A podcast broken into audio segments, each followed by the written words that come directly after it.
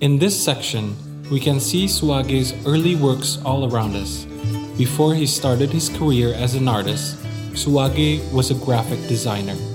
He co founded a graphic design studio called Work Gallery in Jakarta in 1988.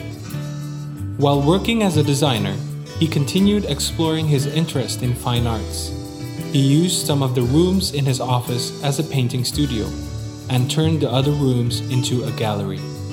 During this time, he also participated in several small group exhibitions until 1993 when he was invited to exhibit outside Indonesia, an opportunity that established his direction to become a full time artist.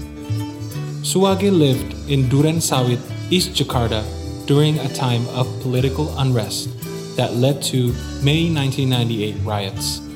The works in this room illustrate important moments in Suwage's work, such as the impact of political movements and his creative process as a self taught painter. Postmodern ideas, with its focus on subjective and individual experiences, have replaced authoritarian, grand narratives and become a philosophy that drawn Suwage as a young artist to respond and reflect the political changes that unfolded around him. Now, let's continue down the gallery where Agus Suwage's various self portraits are displayed.